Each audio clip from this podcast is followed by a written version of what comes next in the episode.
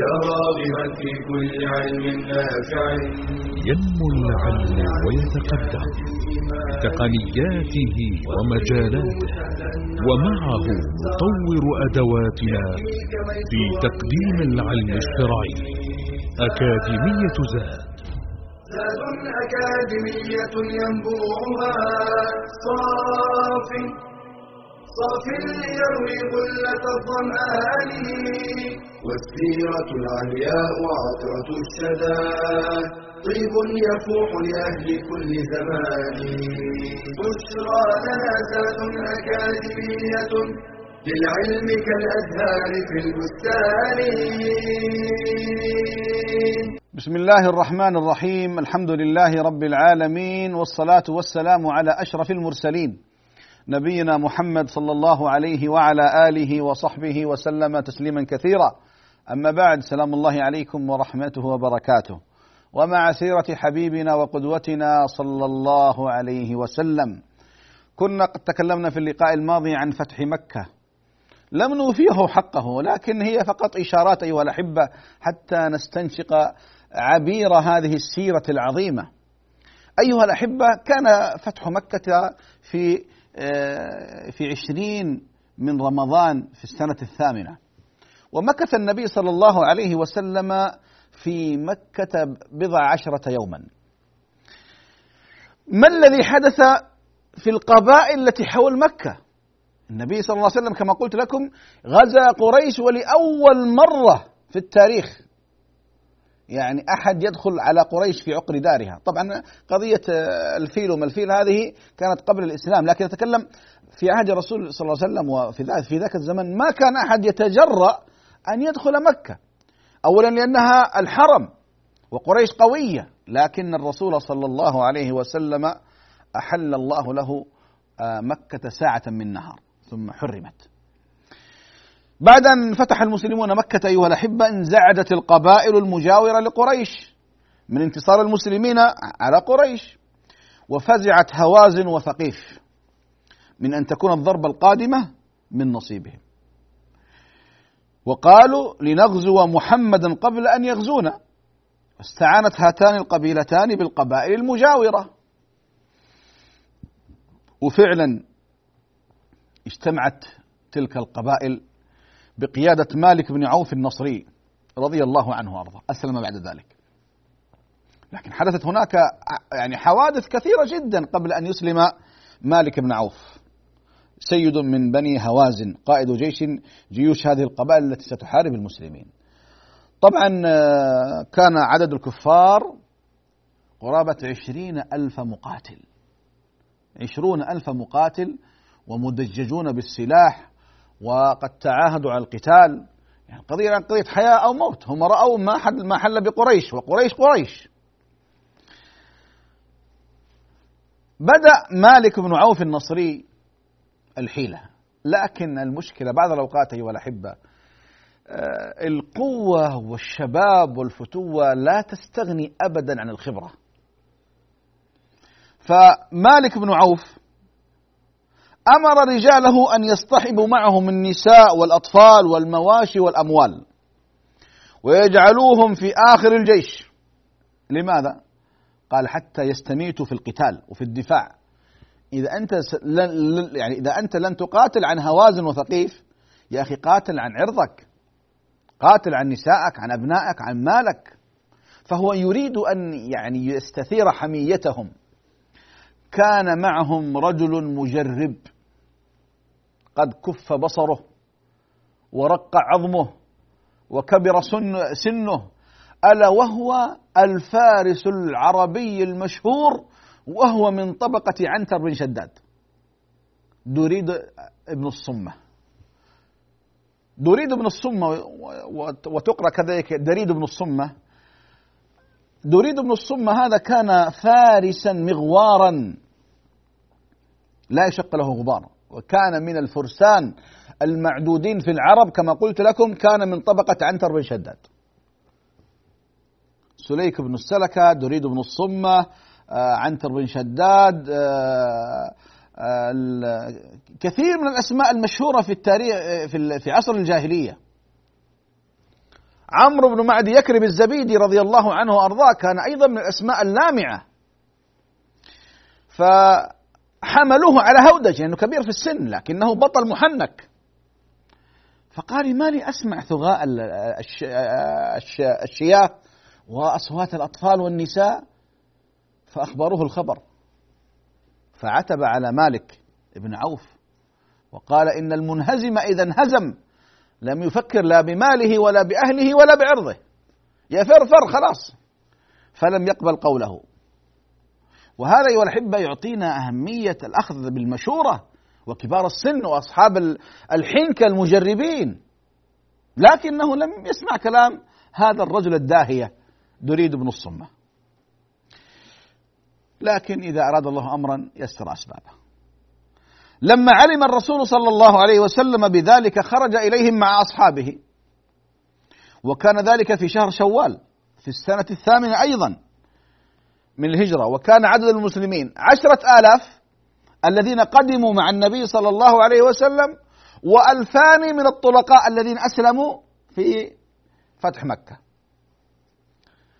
إذا الآن 12 ألف من المسلمين يقابلون عشرون ألفا من الكفار. وبالمناسبة أولئك كانوا يعني مستميتين في القتال. ونظر المسلمون إلى جيشهم الكبير. فاغتروا بالكثرة وقالوا لن نغلب اليوم من قلة.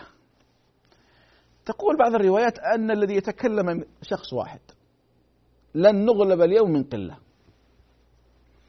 وهذا حقيقة يعني درس التاريخ سطره وحفظه لنا إلى هذا اليوم. وفعلا وقعت يعني مشكلة كبيرة في أول المعركة. يعني الصحابة رضوان الله عليهم لما انطلقوا مع النبي صلى الله عليه وسلم وجاءوا إلى وادي حنين جاءوا قبل الفجر والدنيا ظلام والكفار كانوا قد يعني اختبأوا في انتظار جيش المسلمين بلغ العدو خبر آه، خبر خروج المسلمين إليهم فأقاموا كمينا للمسلمين عند مدخل وادي أوطاس قرب الطائف. وأقبل الرسول صلى الله عليه وسلم في أصحابه حتى نزلوا بالوادي وكان الوقت قبيل الفجر والظلام يخيم على وادي حنين. فوجئ المسلمين بدون أي مقدمات بوابل من السهام تنهال عليهم من كل مكان. فطاش صوابهم واهتزت صفوفهم وفر عدد منهم طبعا الذي فر كما تقول كتب السير كلهم من الطلقاء الذين ما لهم إلا أيام قليلة منذ أن أسلموا. يعني حقيقة حتى يقولون الإبل نفرت من كثرة النبل الواقع عليه السهام الواقع عليهم. الإبل نفرت بشكل كبير جدا. يعني الأمر وقع في لمح بصر والدنيا ظلام. وتعرفون لو كان القضية في النهار كان الإنسان يتبين ولكن فجأة لما سقطت النبال من كل مكان نفرت الإبل. وجمحت وفرت. لما رأى النبي صلى الله عليه وسلم هذا الأمر وبدأ شيء من الهزيمة يعني يدب بين المسلمين وإذا به ينادي بأعلى صوته أنا النبي لا كذب أنا ابن عبد المطلب. فأخذ النبي صلى الله عليه وسلم يعني يقول هذه الكلمة. طبعا أنتم يعني خرجتم لمقابلة محمد صلى الله عليه وسلم. ها هو الآن يعري نفسه أمامكم.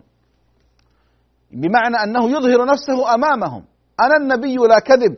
أنا ابن عبد المطلب. وأمر الرسول صلى الله عليه وسلم العباس أن ينادي في الناس. فقال يا معشر الأنصار ويا معشر المهاجرين يا أصحاب الشجرة يا أصحاب سورة البقرة. فأجابوه لبيك يا رسول الله لبيك. أيها الأحبة انظروا كيف النبي صلى الله صلى الله عليه وسلم يستثير الرجال. أمر العباس أن ينادي. يا معشر المهاجرين يا معشر الأنصار يا أصحاب الشجرة يا أصحاب سورة البقرة. ما يليق بكم أن أن تفروا عن رسول الله؟ كلما أراد أحد منهم أن يعيد ناقته أو بعيره الإبل نفرت فأخذوا يتقافزون من فوق الإبل. يتقافزون من فوق الإبل حتى يجيبوا رسول الله صلى الله عليه وسلم. وأحاطت مجموعة من الصحابة وكبار الصحابة بالنبي صلى الله عليه وسلم حتى يحموه.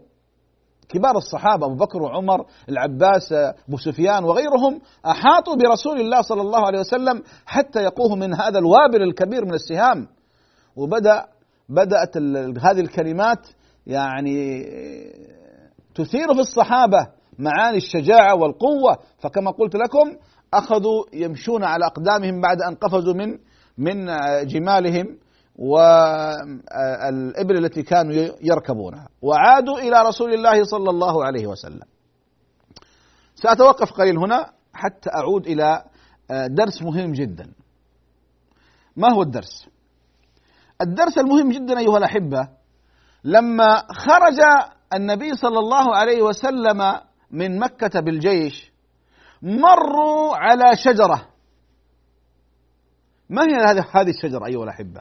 هذه الشجرة كان الكفار ينوطون بها أسلحتهم. يتبركون بها فيعلقون أسلحتهم فيها حتى يظنون أنها ستقوي أسلحتهم وكذا وكذا فكانوا يتبركون بهذه الشجرة. بعض الصحابة لما رأوا هذه الشجرة وما يفعله الكفار فقالوا يا رسول الله اجعل لنا ذات أنواط كما لهم ذات أنواط. فالنبي صلى الله عليه وسلم غضب غضبا شديدا. وقال إنها السنن والله إنها السنن والله. لتركبن سنن من كان قبلكم. حذو القذة بالقذة حتى لو أنهم دخلوا جحر ضب لدخلتموه. غضب النبي صلى الله عليه وسلم من هذا لأن هذه دعوة للشرك. فإن النافع هو الله والضار هو الله والمعطي هو الله والمحيي هو الله والرزاق هو الله والرافع هو الله والخافض هو الله هذه أشجار لا. لا لا تضر ولا تنفع لكن كما قلت يعني قد يكون هناك بعض الصحابة وبعض الطلقاء ما كان عندهم ذاك العلم وهذا الأمر يعني حصل من بعض الصحابة حديثي العهد بالإسلام لكن النبي صلى الله عليه وسلم كان صارما في في هذه في هذه القضية. أيها الأحبة قضية التوحيد والشرك قضية صارمة. ما فيها ما فيها مداهنة ما فيها يعني شيء من التلطف. لا التوحيد يقر بالقوة والشرك ينفى بالقوة. ما دام أنت متمكن لا. ولا يمكن أن نداهن في التوحيد أو الشرك. التوحيد يطبق والشرك ينفى حتى نلقى الله سبحانه وتعالى.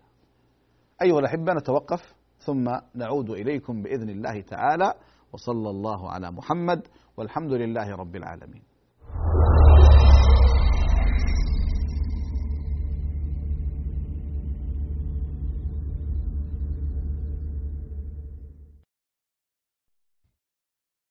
للسفر فوائد عديدة وآثار حميدة وقديما قال الشافعي رحمه الله تغرب عن الأوطان في طلب العلا وسافر ففي الأسفار خمس فوائد.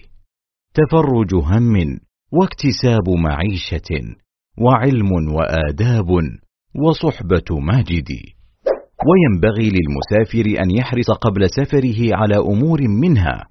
صلاح النية بالسفر بأن يكون لطاعة أو أمر مباح أن يستخير ويستشير. التوبة وقضاء الدين والتحلل ممن أساء إليهم. ألا ينسى نفقة أهله أن يختار الرفقة الصالحة في السفر أن يودع أهله وجيرانه وأصدقاءه ويستحب السفر يوم الخميس إن تيسر له وأن يبكر في الخروج لأنه صلى الله عليه وسلم كان يحب أن يخرج يوم الخميس وقد دعا لأمته بالبركة في بكورها. ويبتدئ بدعاء السفر عند ركوبه وسيلة سفره من سيارة وطائرة وغيرها.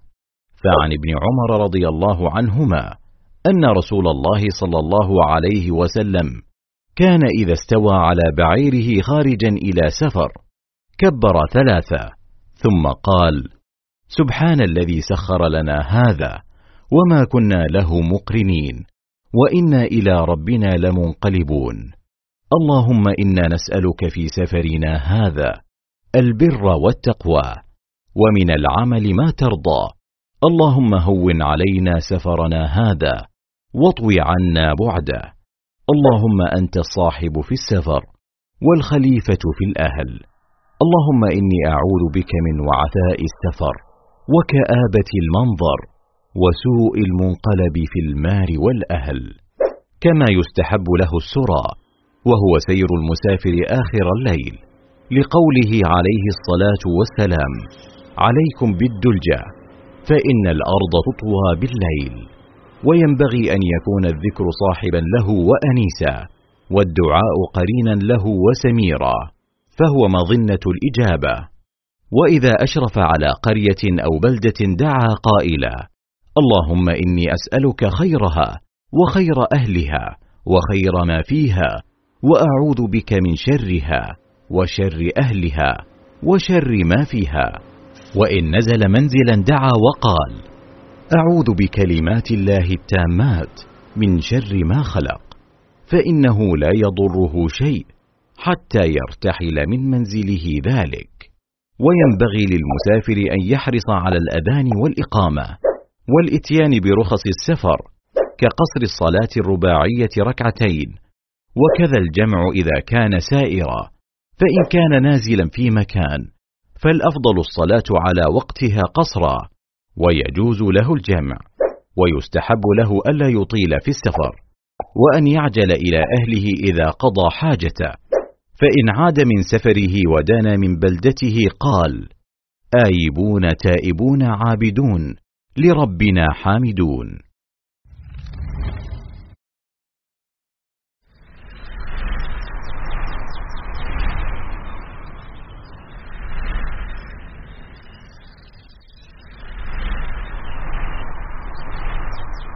كثيرا ما نجد المناهي الشرعية في السنة النبوية مذيلة بالتوجيه إلى البديل المناسب. فمن السنة أن يكون مع النهي عن الخطأ إرشاد إلى البديل الشرعي إن وجد. لا لأن البديل شرط للكف عن المحذور ولكن لأن النفوس ضعيفة والشيطان يكيد لها. فإذا لم يكن ثمة بديل فالآخرة سلوى المؤمن عن كل شهوة يذرها لله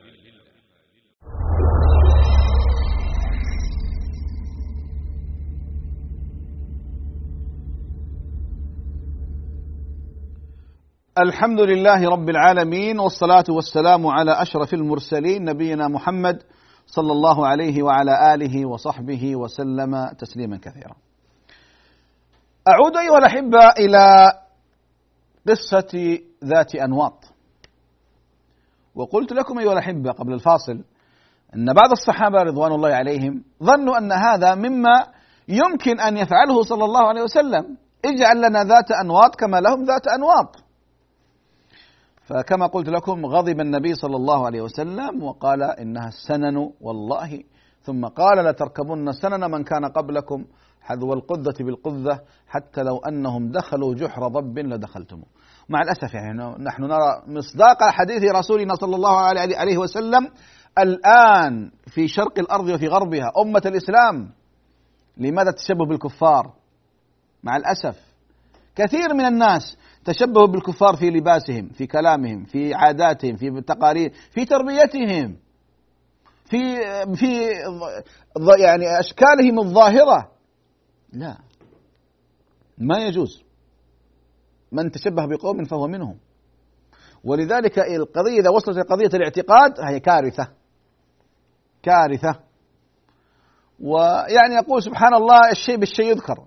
موسى عليه السلام لما لما أنجاه الله وقومه من فرعون حينما آه، شق لهم طريقا يبسا في البحر وأنجاهم الله وأغرق فرعون مروا على أقوام يعكفون على أصنام لهم. أنا أقول القصة بالقصة وحاشا أن يكونوا هؤلاء مثل هؤلاء. ابدا لا. لكن انظروا ايها الاحبه كيف الشيطان حريص على إضلال بني آدم. فبنو إسرائيل مروا على أقوام لهم صنم فقالوا يا موسى اجعل لنا الها كما لهم آلهة. فالشيطان يعني كان حريص على إيجاد الآلهة والعياذ بالله. الصحابة قالوا يعني شجرة يضعون أسلحتهم بها كما يفعل الكفار. لكنها وسيلة والعياذ بالله إلى الخروج من الدين. فالنبي غضب. ولذلك أيها الأحبة ينبغي للمسلم والمسلمة أن يحذر من قضية الشرك وأن يلتزم الكتاب والسنة وأن يحقق التوحيد وأن يبتعد عن كل مظاهر الشرك والمشركين.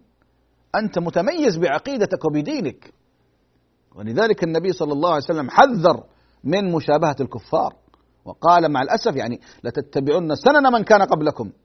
قال اليهود النصارى قال فمن؟ إن لم يكن هم من غيرهم؟ وكما نراه مشاهدا الآن ولا حول ولا قوة إلا بالله. أعود أيها الأحبة إلى ساحة المعركة. مرة أخرى. النبي صلى الله عليه وسلم رجع إليه الصحابة والتفوا حوله وبدأ القتال وشاركت الملائكة في غزوة حنين. وفعلا دب الرعب في قلوب الكفار. وإذا بهم يفرون. هل يقفون يجرؤون أن يقفوا أمام رسول الله صلى الله عليه وسلم والصحابه أما يقول صلى الله عليه وسلم نصرت بالرعب مسيرة شهر. ولذلك لما التف الصحابة حول رسول الله صلى الله عليه وسلم وبالمناسبة هي كلها دقائق معدودة كثيرة يعني يعني ما كانت الوقت طويل. جاءت السهام نفرت الإبل فر بعض الناس. يعني حتى أن بعض بعض الذين خرجوا مع المسلمين وليسوا بمسلمين أحدهم يقول لصفوان بن أمية يعني يبشره أن يعني أمر محمد قد ذهب فغضب. قال والله لأن يربني رجل من قريش ولا تربني الأعراب. يستعملني رجل من قريش أعرفه وأعرف نسبه وكذا ولا ولا ولا يستعملني ولا يربني رجل من من الأعراب من هوازن ومن ثقيف. لكن الله سبحانه وتعالى أنجز وعده فعلا حتى النبي صلى الله عليه وسلم كان يدعو الله عز وجل دعاء عظيم جدا فاجتمع الجيش الإسلامي مرة أخرى وبدأوا في القتال وانتصر المسلمون وفر الكفار وتركوا نساءهم واولادهم و يعني ما ما التفتوا إلى شيء وحدث ما قاله دريد بن الصمه ان المنهزم اذا انهزم لم يلتفت إلى شيء. تركوا النساء والأولاد والأموال والمتاع وفروا بأنفسهم. ذهبوا إلى الطائف. غنم المسلمون غنائم عظيمة جدا. أولا انتصروا نصر عظيم وغنموا غنائم عظيمة جدا جدا جدا. أكبر دليل على الغنائم أيها الأحبة. النبي صلى الله عليه وسلم بدأ يتألف المؤلف قلوبهم. حتى أن صفوان بن أمية رضي الله عنه وأرضاه ماذا يقول؟ يقول أعطاني رسول الله صلى الله عليه وسلم وهو من أغضب الناس عندي وأبغض الناس إلي. يقول فما زال يعطيني ويعطيني ويعطيني حتى أصبح أحب الناس إلي. أحب الناس إلي. وهذا يعطينا درس أيها الأحبة قضية تألف الناس. طبعا النبي صلى الله عليه وسلم بعد انتهاء المعركة وبدأ هناك جمع الغنائم والسبايا والنساء والأطفال. قال أين آه أين أين أبو سفيان؟ فقال مئة من الإبل. فثم قال بعد ذلك أين صفوان بن أمية؟ قال مئة من الإبل. أين عيينة بن حصن؟ مئة من الإبل. الأقرع بن حابس؟ مئة من الإبل. شوف مئة من الإبل أيها الأحبة. مئة من الإبل الآن ثروة كبيرة جدا. فكيف في السابق أيها الأحبة؟ مئة من الإبل الآن ثروة كبيرة. من عنده مئة من الإبل؟ فكيف في السابق؟ وأخذ النبي صلى الله عليه وسلم يوزع الغنائم. يعطي هذا ويعطي هذا ويعطي هذا وي... لكن المفاجأة أيها الأحبة المفاجأة العجيبة أنه أعطى قريش وزع عليهم الغنائم كلها وما أعطى الأنصار شاة واحدة. أعطى الناس إلا الأنصار. طبعا أيها الأحبة الأنصار بشر. فقال بعض يعني صغار السن قالوا يغفر الله لرسول الله صلى الله عليه وسلم أعطى قومه وما أعطانا. بلغت المقولة للنبي صلى الله عليه وسلم فدعا بأسعد بن زراء دعا بسعد بن الربيع. وقال له أو أسعد بن زرارة قال ما مقولة بلغتني من الأنصار؟ قال هو ما سمعت يا رسول الله. قال وأين, وأين أنت منها؟ قال أنا مع قومي. قال اجمع لي الأنصار في المكان الفلاني ولا يدخل أحد معكم. فاجتمع الأنصار في مكان. سعد بن عبادة. ودخل عليهم النبي صلى الله عليه وسلم فقال لهم يا معشر الأنصار ما مقولة بلغتني عنكم؟ قال هو ما سمعت يا رسول الله. وبعضهم قال إنما هي قول صغارنا. فقال يا معشر الأنصار أما كنتم متفرقون فجمعكم الله بي؟ قالوا الفضل لله والمنة لله ولرسوله. أما كنتم أعداء فألف الله بي بينكم؟ قالوا, قالوا المنة لله ولرسوله. وبدأ يعدد عليهم النعم. فقال يا معشر الأنصار والله لو قلتم لصدقتم ولصدقتم.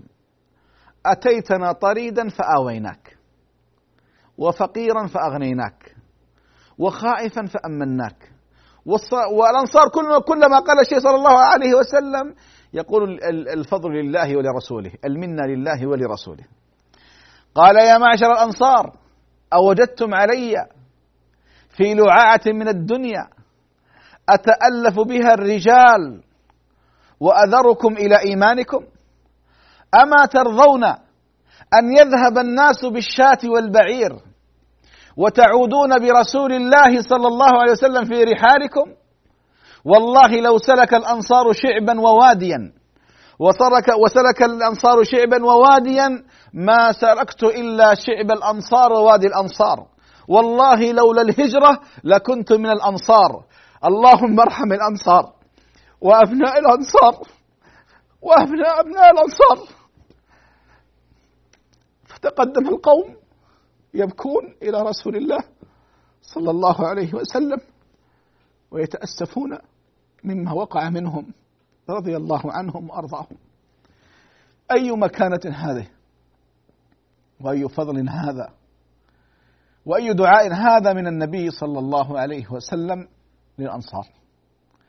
ولذلك لا يحب الأنصار إلا مؤمن ولا يبغضهم إلا منافق. عرف الصحابة وعرف الأنصار المكانة العظيمة التي سينالونها ولن ينالها العرب. عرف الأنصار أنهم سيعودون برسول الله صلى الله عليه وسلم إلى قومهم إلى المدينة. وأي بركة أعظم من هذه؟ وأي غنى أعظم من هذا؟ أن يذهب الناس بالشاة والبعير. لعاعة من الدنيا وأن يعودوا برسول الله صلى الله عليه وسلم. ولذلك كانت غفلة بصرهم بها النبي صلى الله عليه وسلم وبين لهم الفرق بين دنيا زائلة وبين شرف لا يعادل شرف لا في الدنيا ولا في الآخرة أن يعودوا برسول الله صلى الله عليه وسلم. نتوقف أيها الأحبة ثم نعود مرة أخرى بإذنه تعالى وصلى الله على محمد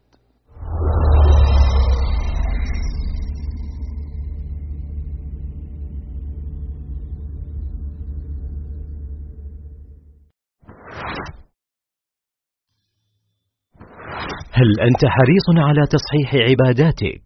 هل ترجو أن يتقبلها الله؟ اطلب العلم إذ لا تصح العبادة إلا به قال تعالى فاعلم أنه لا إله إلا الله واستغفر لذنبك وللمؤمنين والمؤمنات. وشرط قبول طلب العلم. الإخلاص فيه بألا تريد به إلا وجه الله. قال تعالى قل إني أمرت أن أعبد الله مخلصا له الدين. وبالإخلاص ترزق صحة الفهم وقوة الاستنباط.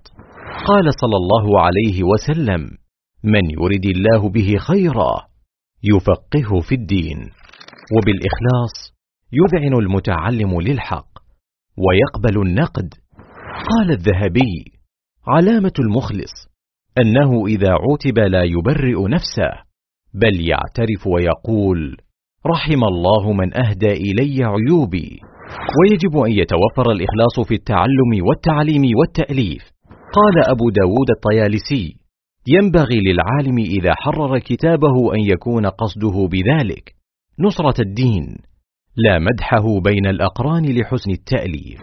فأخلص النية واحذر من فسادها.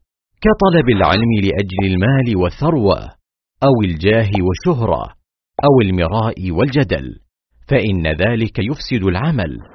قال تعالى وقدمنا إلى ما عملوا من عمل فجعلناه هباء منثورا. إذا أحببت أن تتعرف على دينك أكثر أن تزداد علما وتنهل خيرا أن تسمع وترى ما يقربك من ربك ويحببك في نبيك. وتزكو به نفسك. في قناة زاد تجد ذلك وأكثر. تصفح وتجول في واحة إيمانية من مقاطع مميزة من إنتاج مجموعة زاد. تتنوع بين المادة العلمية والرقائق الإيمانية والفواصل الدعوية المحترفة إعلامية والمؤصلة منهجية. تخاطب الرجال والنساء الكبار والصغار تدعو البعيد وتؤنس القريب. مقاطع motion graphic مميزة دورات علمية متخصصة فواصل درامية شيقة لقاءات دعوية ممتعة برامج تلفزيونية وندوات شرعية.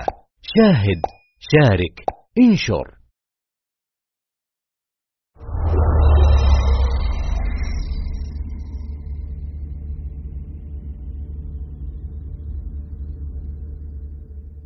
بسم الله الرحمن الرحيم. الحمد لله رب العالمين والصلاة والسلام على أشرف المرسلين نبينا محمد صلى الله عليه وعلى آله وصحبه وسلم تسليما كثيرا.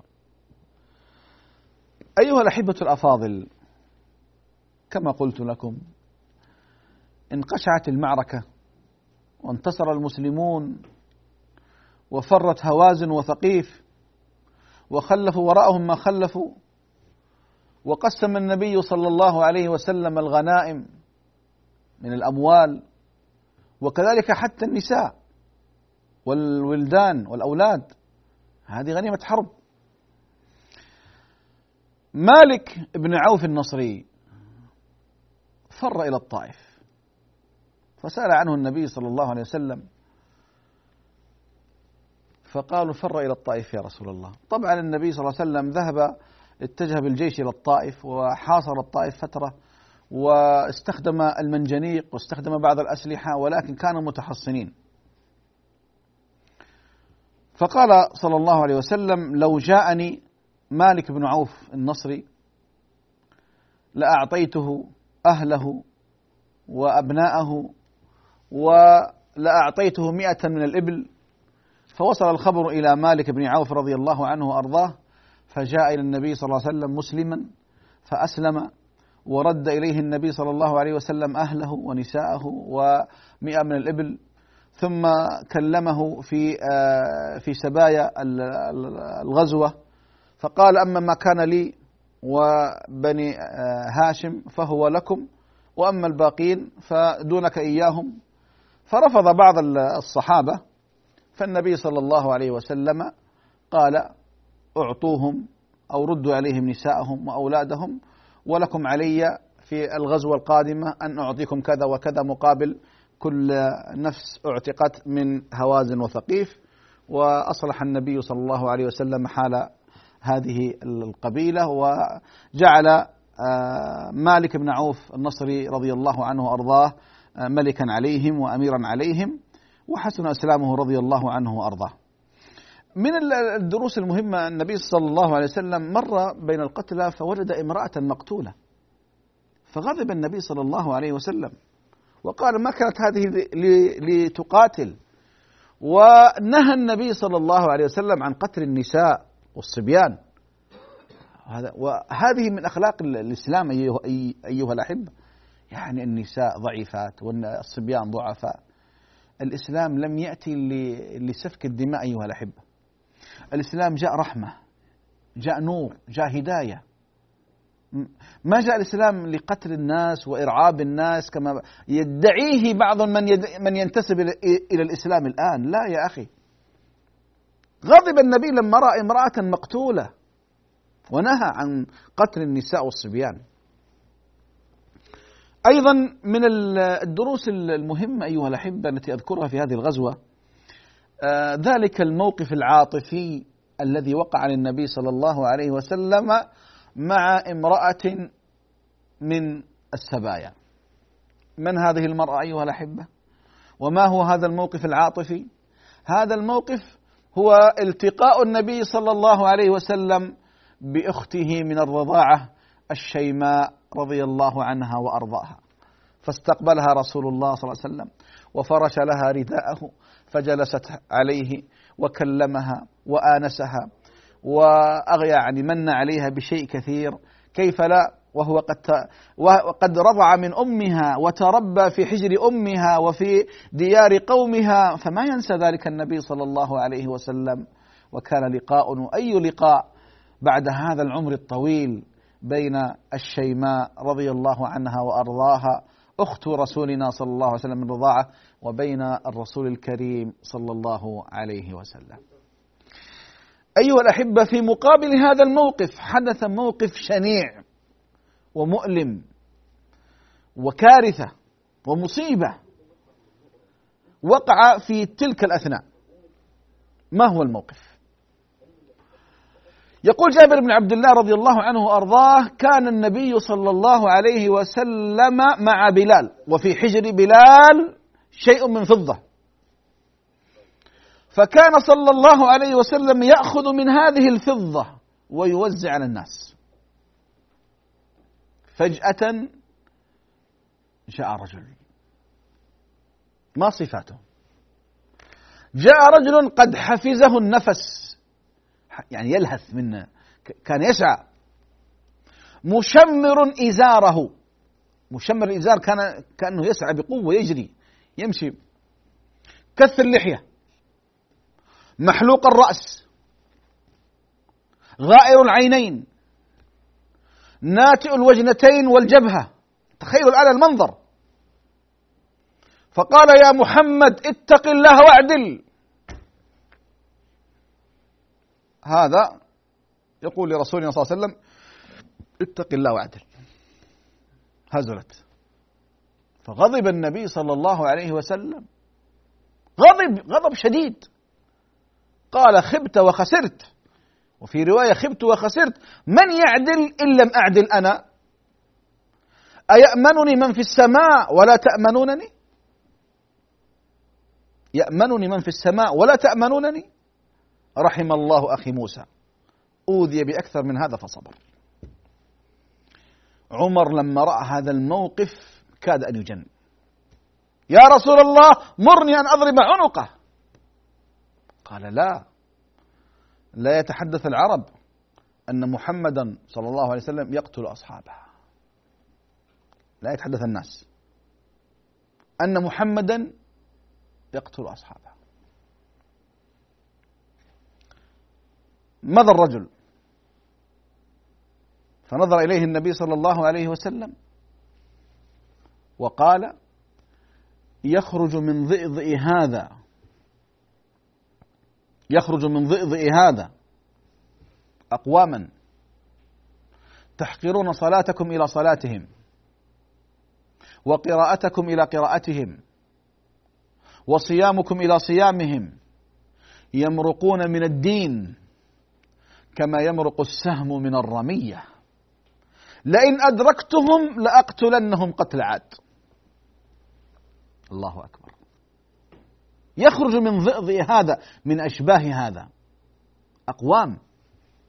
تحقرون صلاتكم إلى صلاتهم يعني هم أكثر منكم صلاة. وقراءتكم إلى قراءتهم أكثر منكم قراءة للقرآن.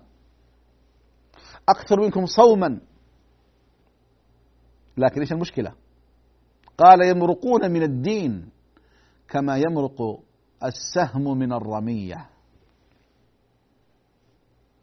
لئن أدركتهم لأقتلنهم قتل عاد. وهؤلاء هم الخوارج. هذا الرجل اسمه عبد الله ذو الخويصرة الذي جاء ينصح رسول الله صلى الله عليه وسلم. يظنه أتقى من رسول الله.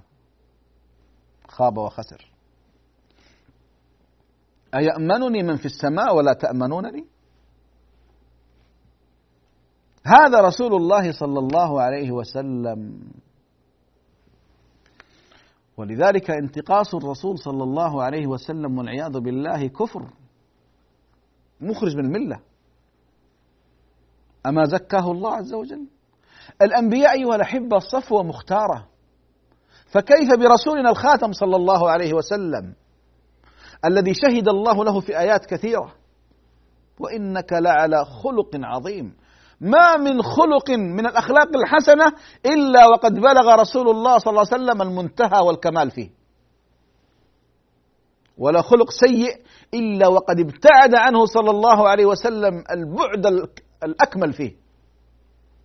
فيأتي هذا ويقول يا محمد اتق الله واعدل. لذلك فين عمر كان معه حق في أن يقتله. ولولا هذا العذر لقتل. خشي النبي صلى الله عليه وسلم يا أحبابي أن يتحدث العرب. وسيتحدث أن محمدا يقتل أصحابه. ولولا هذه القضية لقتله. لأنه يستحق القتل. لأن الذي ينتقص رسول الله صلى الله عليه وسلم حكمه القتل. ما هو من أي أحد؟ من ولي الأمر حتى لا تصبح القضية قضية مفلوتة. فأقول أيها الأحبة النبي صلى الله عليه وسلم أوذي كثيرا حتى في نفسه. فهذا يأتي يعني ينتقص رسول الله صلى الله عليه وسلم. وفعلا وفعلا وفعلا. هذا الرجل واشباهه هذه النابته السيئة الخوارج الذين خرجوا. كانوا مع علي رضي الله عنه وأرضاه فخرجوا عن علي وقاتلهم علي رضي الله عنه وأرضاه في النهروان. واستأصلهم إلا قلة منهم فروا وحملوا الفكر الخارجي إلى الآن. مع الأسف حملوا الفكر الخارجي إلى الآن. وكما أخبر صلى الله عليه وسلم يتركون أهل الأوثان ويقتلون أهل الإيمان ومن أوصافهم أنهم حدثاء الأسنان سفهاء الأحلام. بل يقول صلى الله عليه وسلم لو يعلم الذين يقتلونهم أو يقاتلونهم ما لهم من الأجر لاتكلوا. فعلا الذي يقرأ تاريخهم المشين كم فعلوا في في أمة الإسلام. قديما وحديثا. هو الفكر واحد لكن قد يتخذ عدة صور. الآن العصر الحديث خرجوا علينا الدواعش وما الدواعش وأشكالهم. تتألم من ينتسب إلى الإسلام ويقتل أهل لا إله إلا الله ويستبيح المساجد ويستبيح دماء المسلمين. هؤلاء هم الخوارج الذين حذر منهم النبي صلى الله عليه وسلم وقال لئن أدركتم لأقتلنهم قتل عاد. هذه هذا الموقف حدث في غزوة حنين. الشاذي والأحبة بعد هذه الغزوة حقيقة دارت الجزيرة. كل قبائل الجزيرة خشوا وخافوا من الرسول صلى الله عليه وسلم وأذعنوا له صلى الله عليه وسلم. وكانت فعلا يعني غزوة لها ما لها في التاريخ الإسلامي. أسأل الله سبحانه وتعالى بأسمائه وصفاته أن يعز الإسلام والمسلمين وأن يذل الشرك والمشركين وأن يدمر أعداء الدين وأن ينصر الإسلام والمسلمين في كل مكان وأن يستعملنا في طاعته. وصلى الله على محمد وعلى آله وصحبه وسلم والحمد لله رب العالمين. يا راغبا في كل علم نافع متطلعا لزيادة الإيمان وتريد سهلا النوال ميسرا يأتيك ميسورا بأي مكان. زاد زاد أكاديمية ينبوعها. صاف صاف ليروي غلة الظمآن. والسيرة العلياء عطرة الشدى. طيب يفوح لأهل كل زمان. بشرى لنا ذات أكاديمية للعلم كالأزهار في البستان